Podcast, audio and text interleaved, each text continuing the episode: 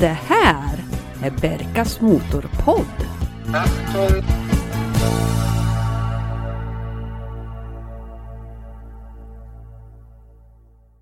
Hej och välkommen till ännu ett avsnitt av Berkas Motorpodd. Och jag som pratar kallas för Berka. Det här är ju podden för dig som gillar bilar. Spelar ingen roll om det är bruksbilar eller om det är sport eller entusiastbilar. Vi kör så vi trivs. Kika gärna in på vår hemsida www.berkasmotorpodd.se. Där finns det bilder på de här bilarna och länkar för att lyssna i kapp äldre avsnitt. Kom ihåg att prenumerera också så att du inte missar kommande avsnitt.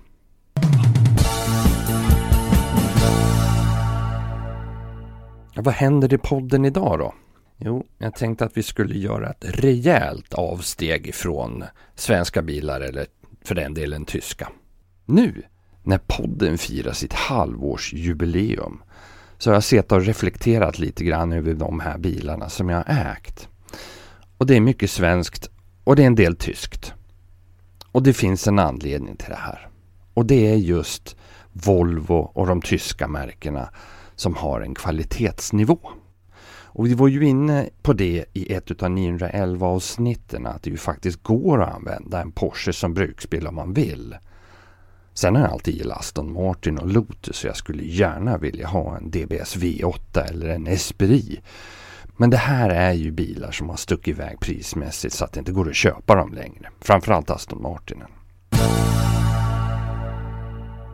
Du gissar det, det finns en liten röd tråd där.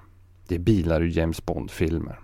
Jag är stor Bondfilmsentusiast. Och då får man ju liksom bilarna med på köpet.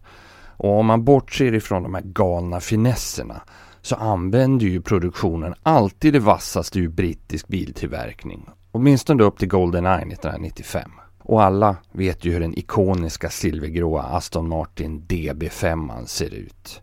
Men 1969 fick Bond ett nytt tjänstevapen. En Aston Martin DBS.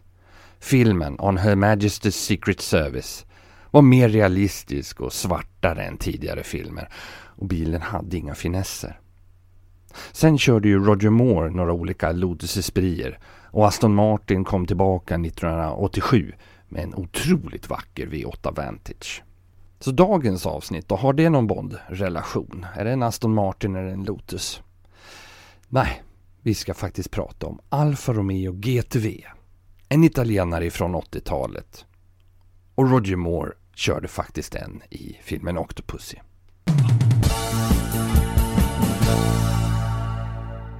I filmen Octopussy från 1983 så stjäl han en grafitgrå GTV 6 av en kvinna som tränger sig före honom in i en telefonkiosk.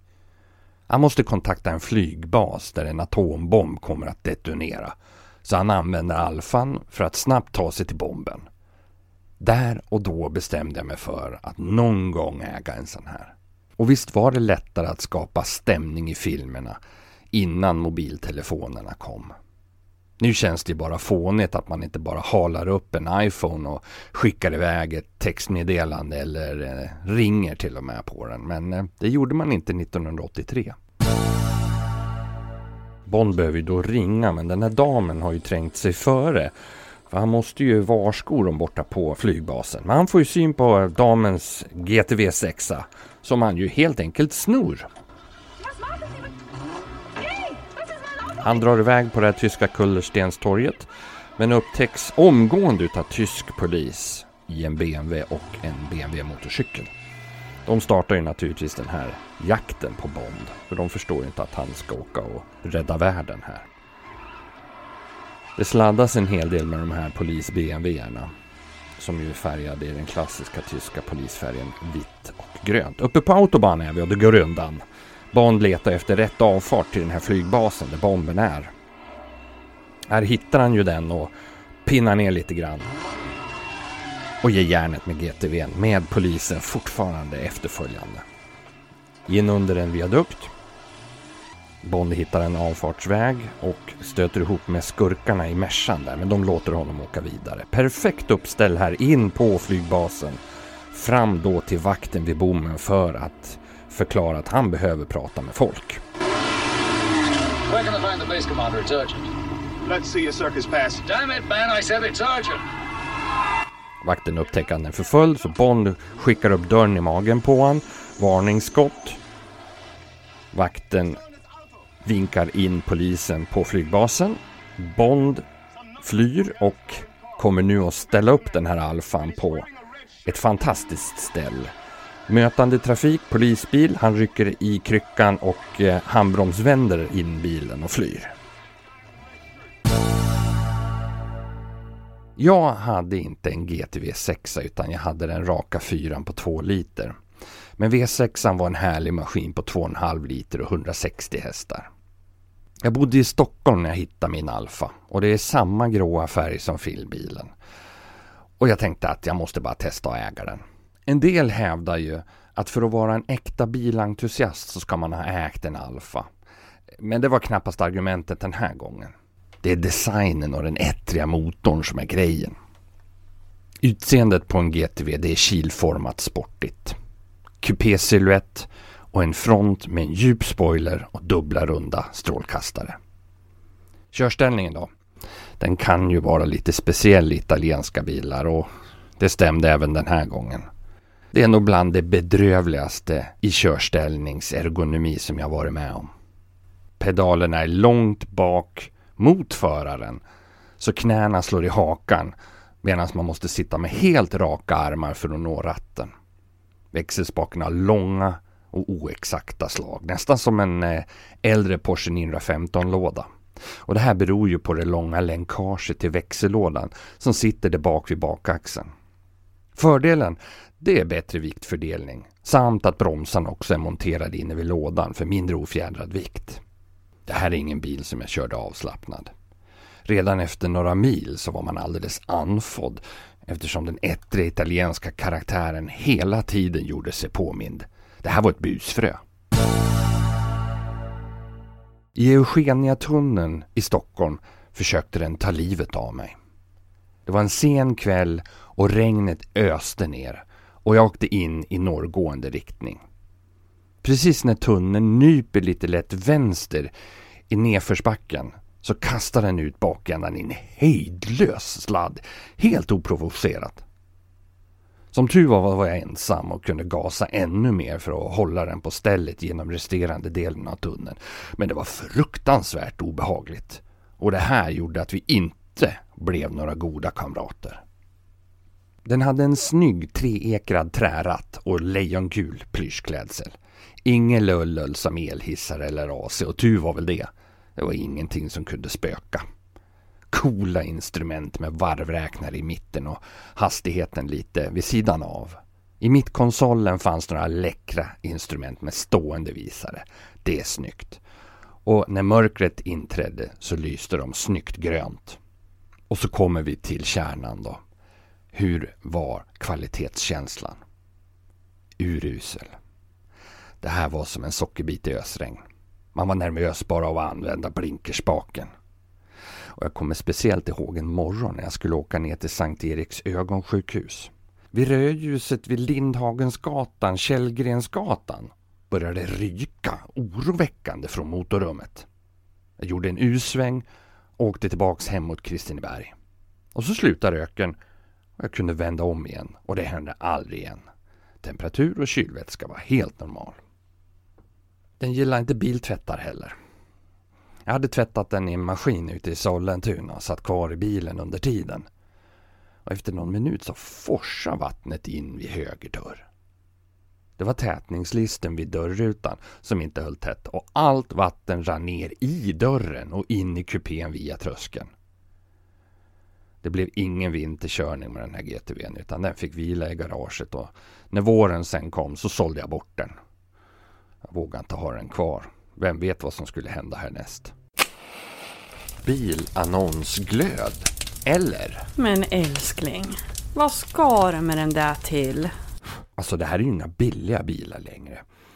I Sverige så har det funnits några exemplar nyligen till salu och de har legat mellan 140 och 180 000. Och de har försvunnit från den stora annonssidan. Sen om de har blivit sålda eller borttagna, det är faktiskt svårt att få bekräftat. Tittar man ute i Europa eh, och då kikar jag lite grann på mobile.de här. Och då är det stort spann.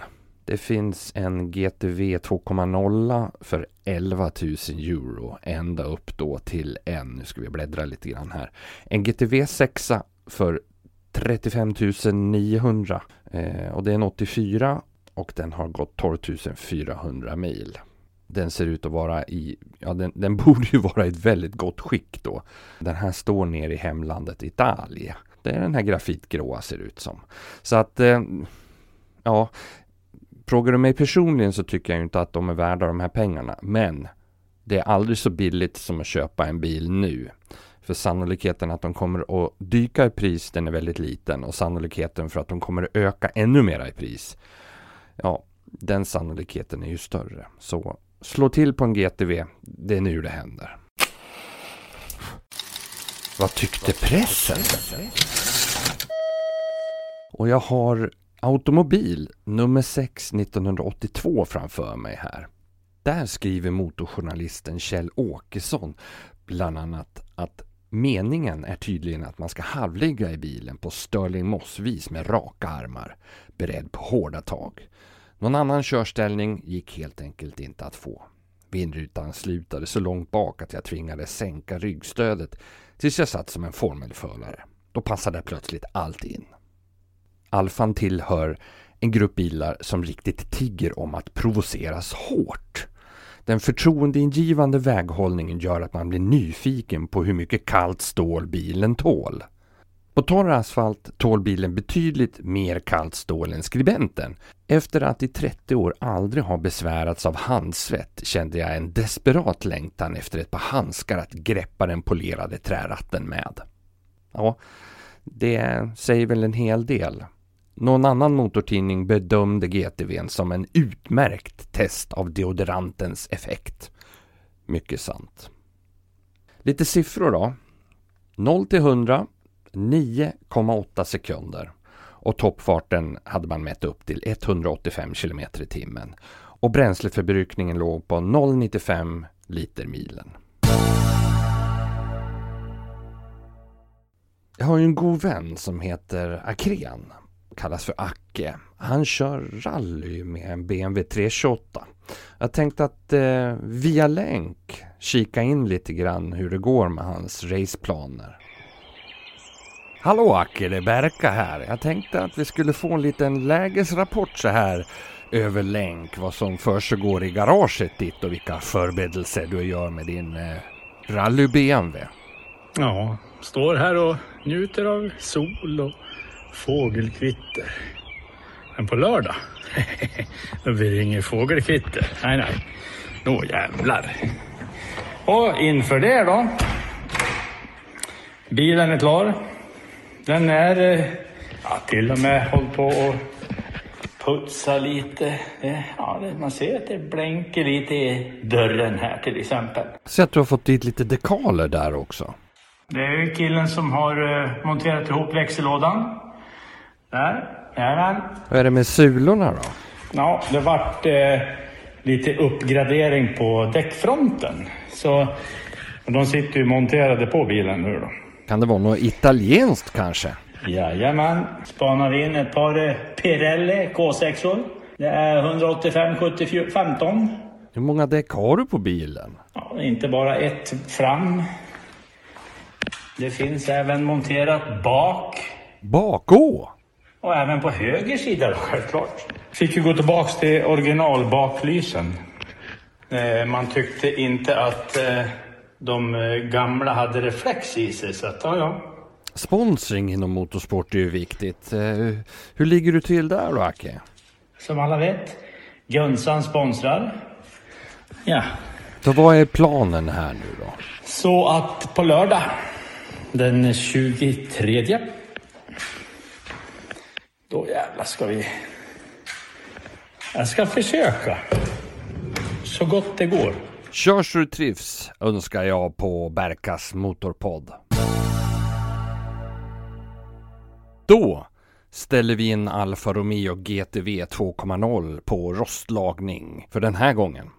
Jag vill passa på att hälsa till Patrik och Louisa som jag träffade här förleden som har varsin Volvo.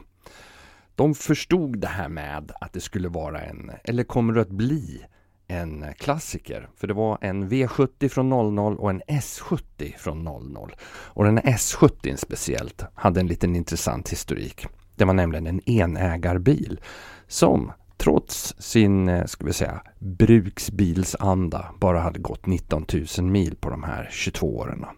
Så stort hej till er! Tack för att ni lyssnar!